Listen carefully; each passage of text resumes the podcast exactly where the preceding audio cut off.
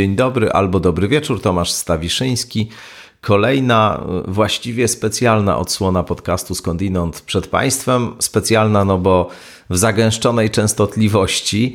E, myślę, że to częściej będzie się w ogóle zdarzało. Jak trochę zmieniałem parametry podcastu we wrześniu 2023 roku, no to oczywiście też myślałem o tym i mówiłem, że ta formuła co dwutygodniowa będzie jakoś przełamywana. Nie lubimy takiego jednostajnego, powtarzalnego cały czas trybu, więc spokojnie na pewno e, co jakiś czas takie odcinki pomiędzy tymi długimi, dużymi rozmowami będą się zdarzały.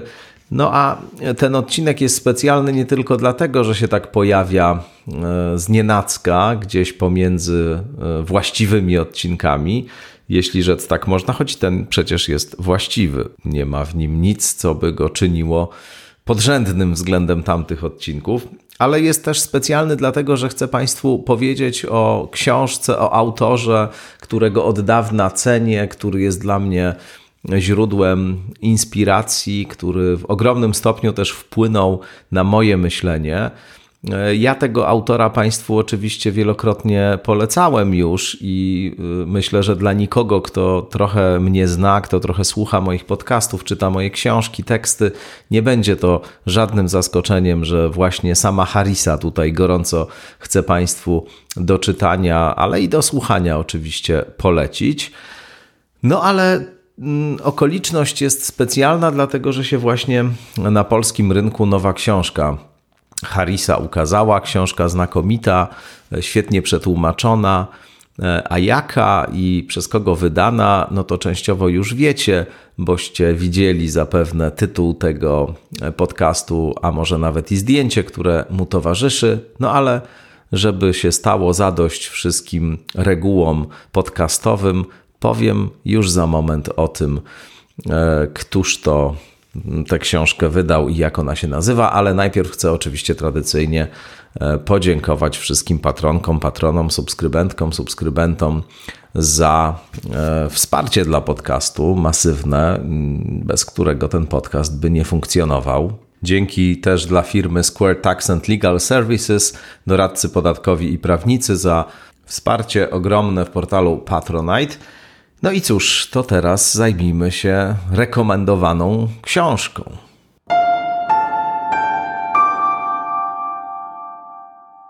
A książka, o której cały czas tutaj mówię, nazywa się Nadając Sens.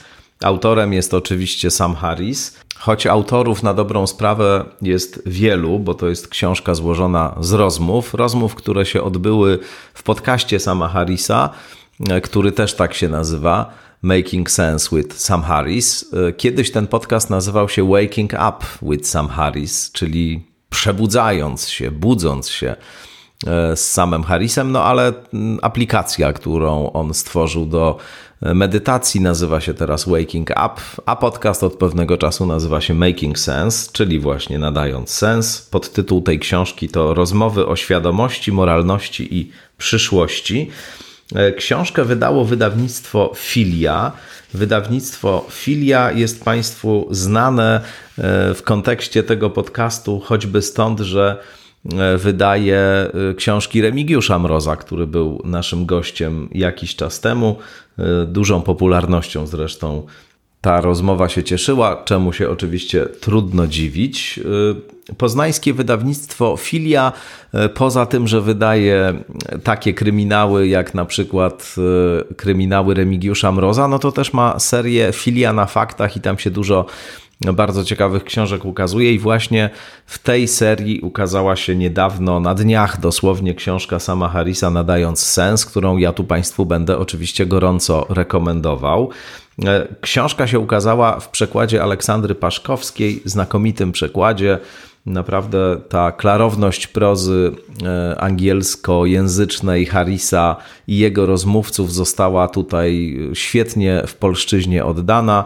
Także myślę, że to jest w ogóle też świetna okoliczność, że w tak znakomitym tłumaczeniu ta książka do nas przychodzi, bo jak wiadomo, z tłumaczeniami bywa różnie.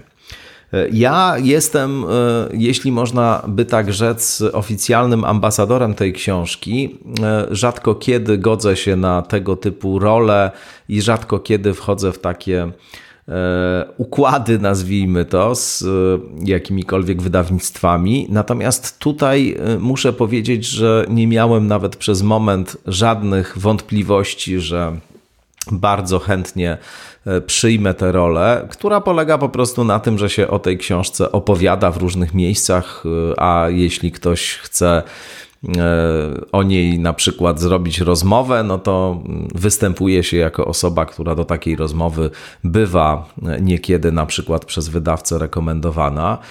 E, tutaj w tym przypadku, e, bo to jest też i moja zasada, że jeśli w ogóle czegoś takiego się podejmuje, a jak powiedziałem, podejmuje się ekstremalnie rzadko, właściwie prawie nigdy, z różnych powodów, o których może kiedyś opowiem, no to e, tutaj naprawdę ta decyzja właściwie przyszła mi natychmiastowo dlatego że po pierwsze sama Harrisa czytam i słucham od wielu, wielu lat. E, I mam pewien dług wdzięczności w związku z tym wobec niego, tak to odbieram, dlatego że myślę, że w znacznym stopniu też wpłynął na sposób, w jaki i moja e, działalność podcastowo-pisarska wygląda.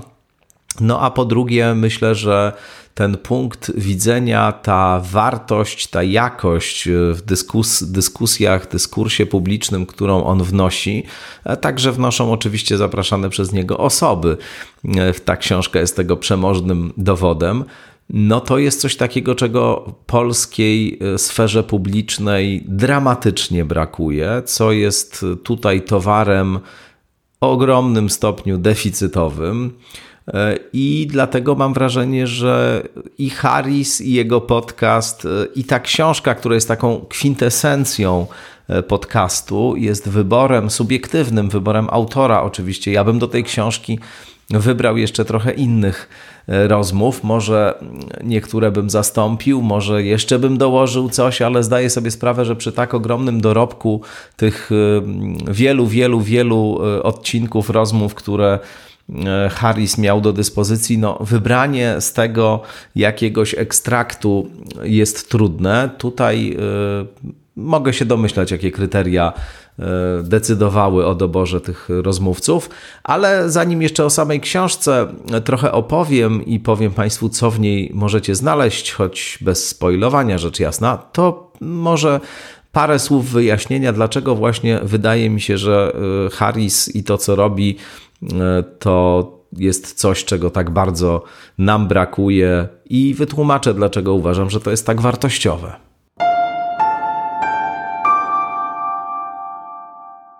O tym, e, jak wygląda zrąb przekonań Harrisa dotyczących religii, o co chodzi w tej jego krytyce religii dokonywanej w książce Koniec Wiary, E, mogą Państwo posłuchać także w jednym z wcześniejszych odcinków Skądinąd, w którym prezentuję mój wstęp do tej książki, do jej polskiego wydania.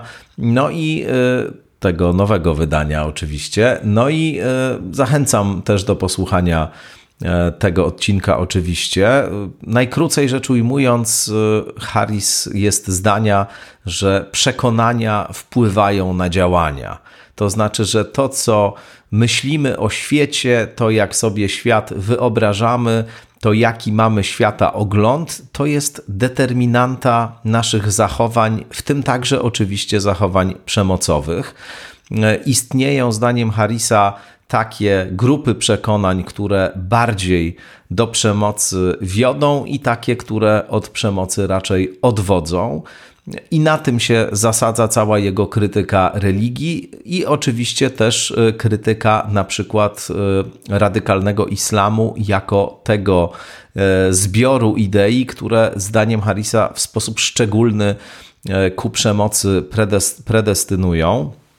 Jak powiadam, nie czas i miejsce teraz na to, żeby akurat w te kwestie się zagłębiać, choć one wracają dziś bardzo mocno przy okazji tych odcinków podcastu, które się później też jako teksty ukazują Harisa, w których odnosi się on do konfliktu e, Izrael-Palestyna. Polecam te odcinki oczywiście, nawet jeśli Państwo się zupełnie z tym, co on mówi, nie zgadzają, to warto posłuchać tej argumentacji i po prostu zastanowić się nad nią. E, no właśnie, bo dzisiaj bardzo często, i to też dotyczy owych odcinków, o których powiedziałem, e, to e, oburzenie, histeria, potępienie, egzaltacja jest reakcją na zetknięcie się z przekonaniami, które odmienne są od naszych własnych, a nie myśl, hmm, ciekawe, zastanowiłbym się nad tym, zobaczyłbym, jakie mam argumenty, jeśli się z tym nie zgadzam. A jeśli te argumenty moje po weryfikacji ich wartości okazują się niewystarczające, żeby e, odrzucić jakiś pogląd, no to w takim razie e, skłonny jestem go przyjąć, bo przecież interesuje mnie to, co najlepiej uzasadnione, a nie to, co emocjonalnie obsadzone najsilniej wewnątrz mojej grupy tożsamościowej, bańki internetowej, towarzystwa etc., etc. No i to właśnie ta krótka konstatacja prowadzi nas do sedna tego, co w sposobie bycia, myślenia e, i w tym, co Harris wnosi do debaty publicznej, moim zdaniem najważniejsze.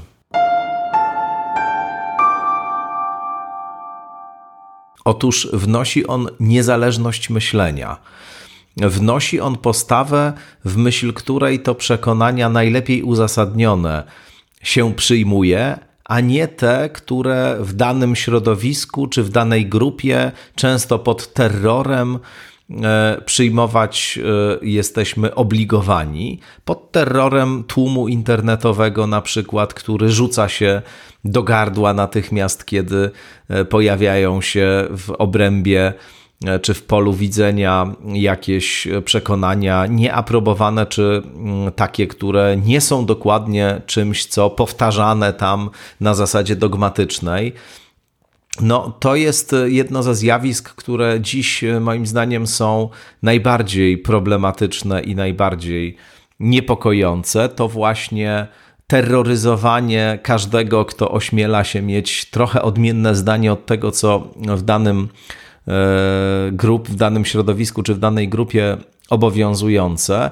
No bo jeśli boimy się e, powiedzieć e, coś, co nie mieści się w akurat obowiązującej ortodoksji w naszej medialnej bańce, mediospołecznościowej bańce, jeśli mamy poczucie, że jeśli wyłamiemy się E, z, tego, z tej jednomyślności w niej obowiązującej. To może dotyczyć e, i tej kwestii niezwykle dzisiaj gorącej, jak e, kwestia konfliktu Izrael Izrael-Palestyna, ale też jak kwestia dowolna, polityczna, światopoglądowa, moralna i tak dalej. No jeśli mamy takie poczucie, że nie możemy w zasadzie powiedzieć tego, co myślimy, bo jeżeli zgłosimy jakieś wątpliwości, jeżeli damy do zrozumienia, że nie do końca przyjmujemy taką reprodukowaną w setkach, tysiącach postów, e, aktualnie dominującą dogmatyczną wykładnię jakiegoś problemu,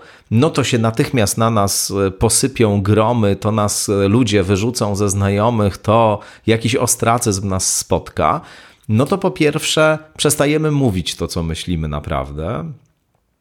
Co jest ze szkodą dla jakości e, sfery publicznej poza wszystkim? No bo sfera publiczna e, korzystna to taka, w której różne poglądy się ze sobą ścierają i można obserwować, jak to ścieranie się e, wygląda, i wtedy te, które są najlepiej uzasadnione, mają szansę, żeby swoją zasadność wykazać. Oczywiście to w dzisiejszym świecie e, mediów społecznościowych i nie tylko, mediów w ogóle opartym na efekciarstwie, na e, gagu, na różnych środkach retorycznych, herystycznych, e, które ku uciesze publiczności są stosowane, to nie jest takie proste, bo bardzo często właśnie z uwagi na jakąś emocjonalną nieatrakcyjność, e, prawda albo pogląd lepiej uzasadniony może po prostu przegrać z tym, który oparty jest na kłamstwie i manipulacji, ale dociera właśnie do pewnych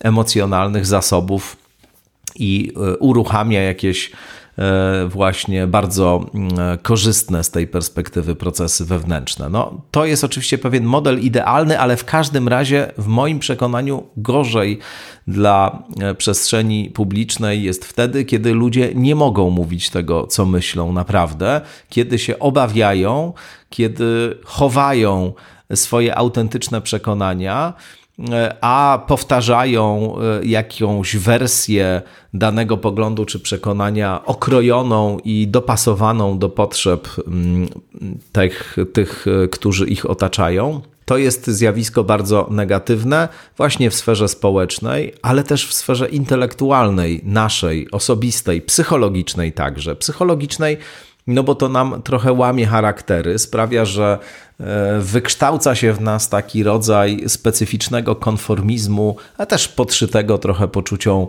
poczuciem beznadziei, poczuciem tego, że nie ma sensu właściwie podejmować rozmowy, bo i tak nikt nas nie będzie słuchał.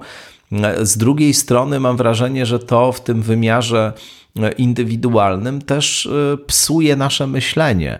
To znaczy, my w pewnym momencie już pod tym pręgierzem opinii e, internetowej zaczynamy nie tylko mówić to, co inni e, chcą, żebyśmy mówili, zaczynamy już nie tylko zatem odruchowo przyjmować na potrzeby zewnętrzne różne przekonania, które e, są obowiązujące w danym momencie, ale także zaczynamy w ten sposób myśleć.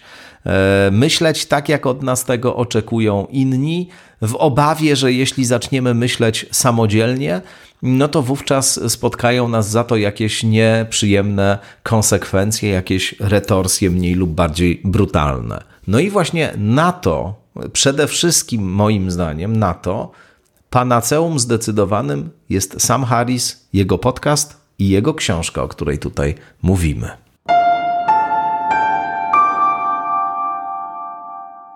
Bo Harris to jest człowiek, który nieraz szedł pod prąd takim e, powszechnie obowiązującym przekonaniom, nieraz sprzeciwiał się różnym e, takim kaskadom oburzenia, potępienia, które przez internet się przelewały. Ostatnio na przykład e, rozmawiał z Megan Phelps Roper, e, autorką podcastu The Witch Trials of J.K. Rowling. Polecam Państwu bardzo ten podcast i polecam Państwu też tę rozmowę. Harrisa z Megan Phelps Roper.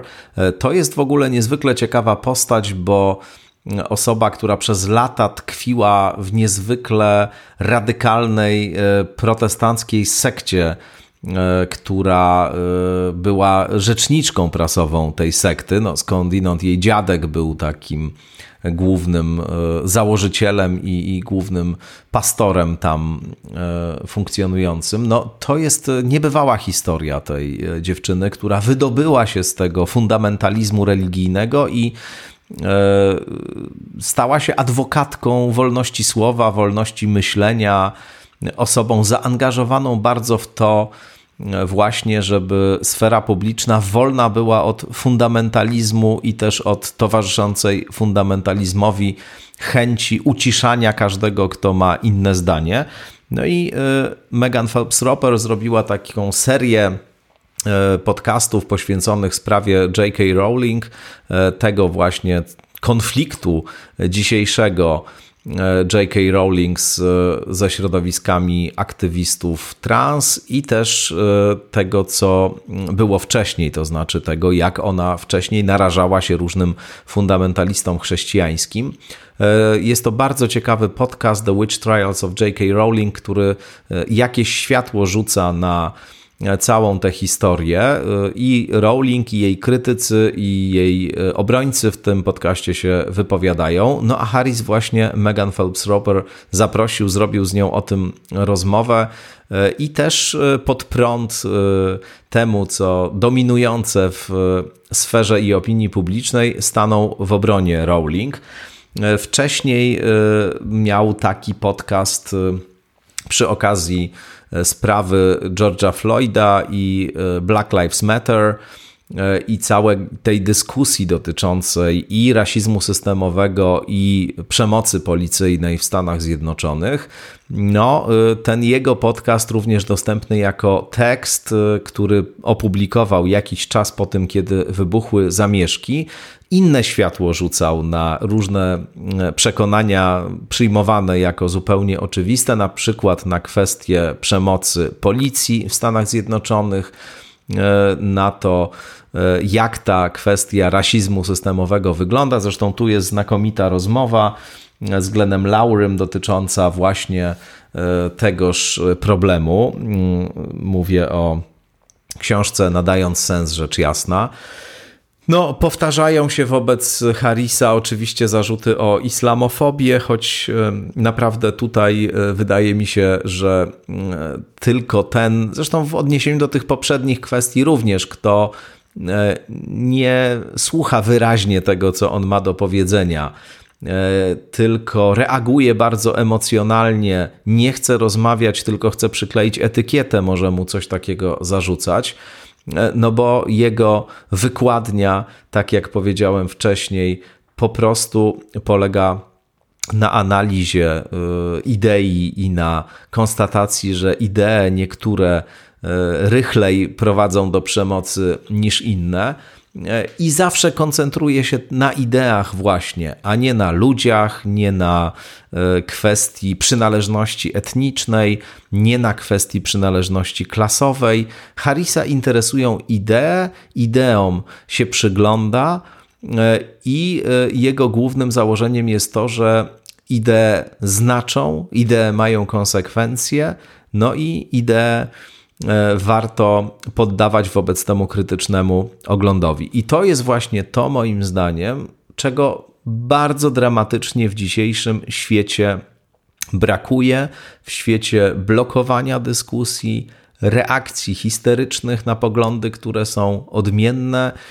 stosowania środków e, perswazji polegających na uciszaniu tego, kto naszym zdaniem mówi coś, z czym się nie zgadzamy, na szantażu moralnym, e, który polega na tym, że się wszczyna właśnie niezwykle intensywnie emocjonalne burze wokół jakichś tematów czy jakichś kwestii po to, żeby każdy, kto próbuje powiedzieć w nich coś nie mieszczącego się w aktualnie dla tego czy innego obowiązującej ortodoksji, no żeby każdy taki e, ktoś był e, uciszany, albo żeby się go przepychało do jakiejś bańki, w której e, lokuje się wszystkich tych, którzy są godni potępienia i tak dalej, i tak dalej. No u Harisa naprawdę tego nie ma. To jest jak łyk e, odświeżający, łyk e, lodowatej wody na pustyni.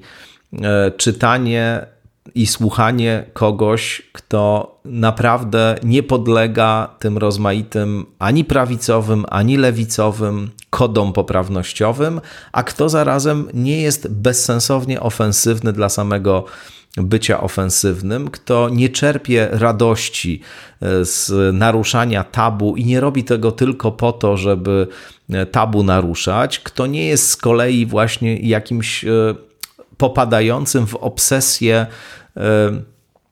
mm, człowiekiem, który wobec faktu, że ktoś inny dyskusję ogranicza, w sposób skrajnie przesadny z kolei atakuje tych, którzy na różne sposoby te ograniczenia chcą wprowadzić, bo i takie fenomeny się zdarzają, że ci, którzy w imię wolności słowa chcą rozmawiać o pewnych kwestiach, e, niejako stają się radykałami e, arebur, to znaczy przeciwstawiają tamtemu radykalizmowi, który chciałby wszystkich uciszyć, jakiś rodzaj e, e, takiego e, no właśnie odwróconego radykalizmu, który nie tylko chce o pewnych sprawach w sposób wolny rozmawiać, ale chce je właśnie stawiać na ostrzu noża specjalnie po to, żeby tamtych irytować. To jest jakaś spirala, która się często nakręca i różne dyskusje także w Polsce w ten sposób wyglądają.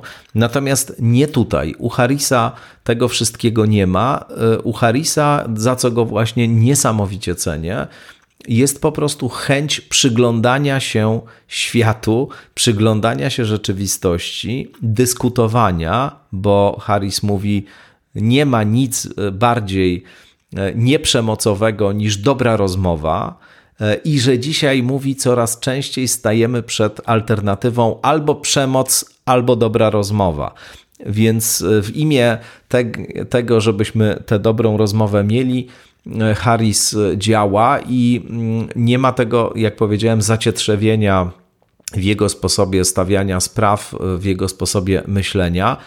I to jest właśnie kolejna rzecz, ten brak zacietrzewienia, który moim zdaniem, która moim zdaniem no jest tutaj towarem zdecydowanie deficytowym.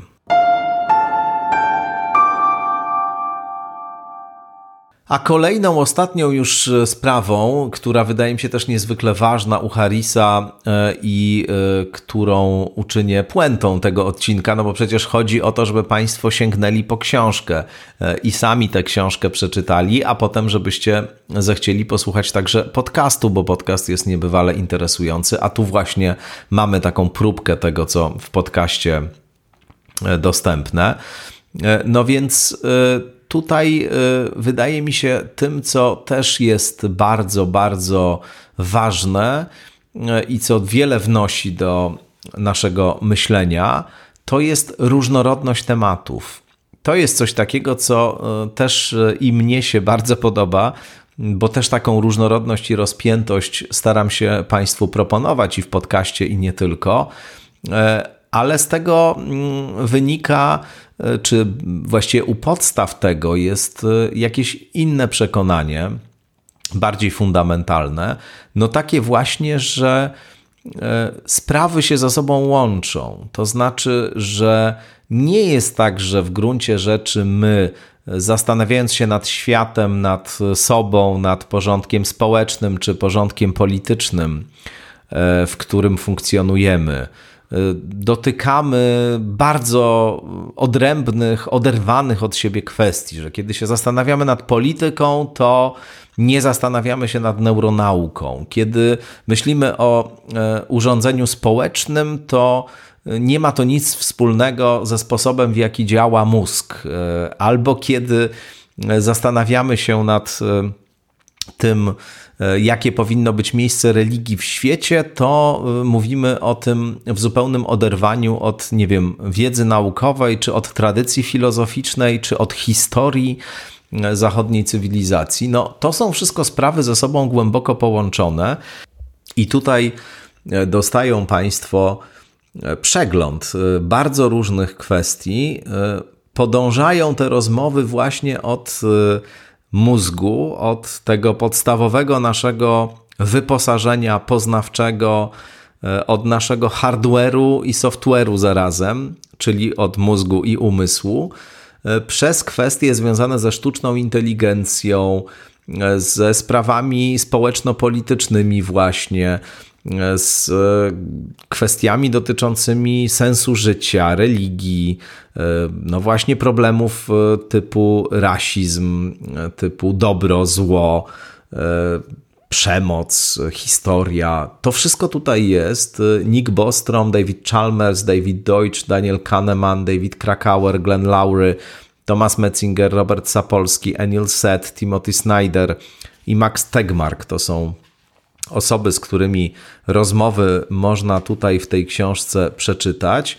I naprawdę mm, wydaje mi się, że e, cała ta mm, dyskusja, e, która się tutaj toczy, bo to jest w gruncie rzeczy jedna dyskusja o świecie, o człowieku, o tajemnicy świadomości, o tym, e, jakie przekonania warto kultywować, a jakim warto przyglądać się krytycznie, no że to jest coś takiego, czego my dzisiaj rozpaczliwie potrzebujemy. Rozpaczliwie tego potrzebujemy w świecie, który e, wypadł z ram, w świecie, w którym już przestały dawno temu działać takie spójne opowieści nadające mu sens w którym my codziennie musimy sobie odpowiadać na pytanie, jaki jest sens wszystkiego, jaki jest sens naszego indywidualnego życia, jak w ogóle w tym gąszczu informacji, w tym skomplikowanym, poplątanym świecie znaleźć jakąś ścieżkę, po której będzie można się jakoś w miarę bezpiecznie poruszać. Myślę, że to są sprawy fundamentalne, a ponieważ religia przestała dawać nam już jakiś czas temu zadowalające odpowiedzi, przynajmniej częściowo przestała nam takie odpowiedzi dawać, może trzeba poszukać na nowo jakichś sensów w niej obecnych. To się dzisiaj dzieje. Peter Bogosian, ostatnio Ayan Hirsi Ali, również postacie niezwykle ciekawe e, i też poniekąd powiązane z Harrisem, bo wywodzące się z tego środowiska nowoateistycznego, no od tego nowego ateizmu dzisiaj na różne sposoby odchodzą. E, Ayan Hirsi Ali opublikowała e, w portalu Unheard, który polecam nieustannie, ostatnio tekst pod tytułem Why I Am a Christian Now, co jest grą e, z e, esejem Bertranda Russella Why I Am Not a Christian. E, no, bardzo ciekawy tekst, polecam go Państwu, ale to jest na inną rozmowę. W każdym razie, w każdym razie mam poczucie, że w ogromnym stopniu albo już religia tych odpowiedzi nam nie daje, albo nie mamy jeszcze jakiegoś nowego języka, którego byśmy byli w stanie użyć, żeby derywować z religii coś, e, co by mogło mm, taką rolę właśnie spełniać.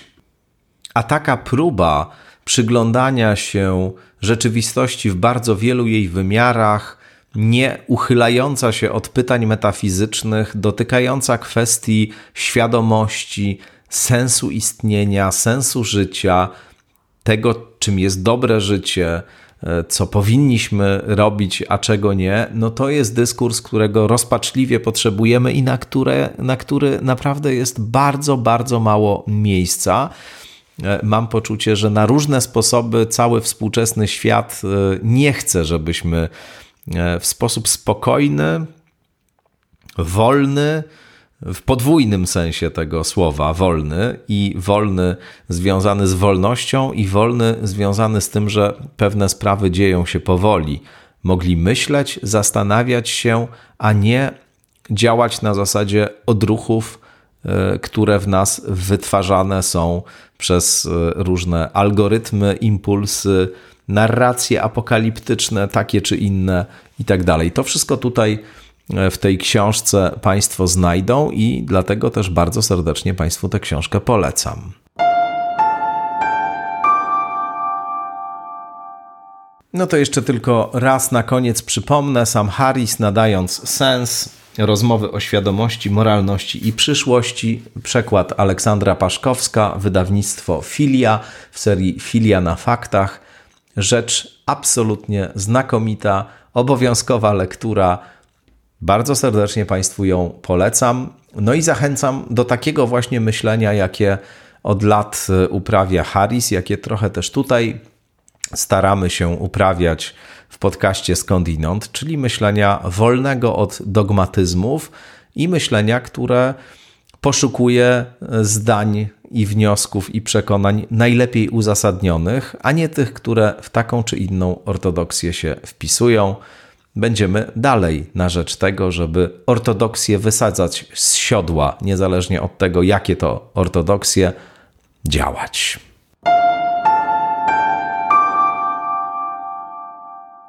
No to bardzo Państwu dziękuję za to spotkanie. No i do usłyszenia wkrótce. Miejcie się dobrze.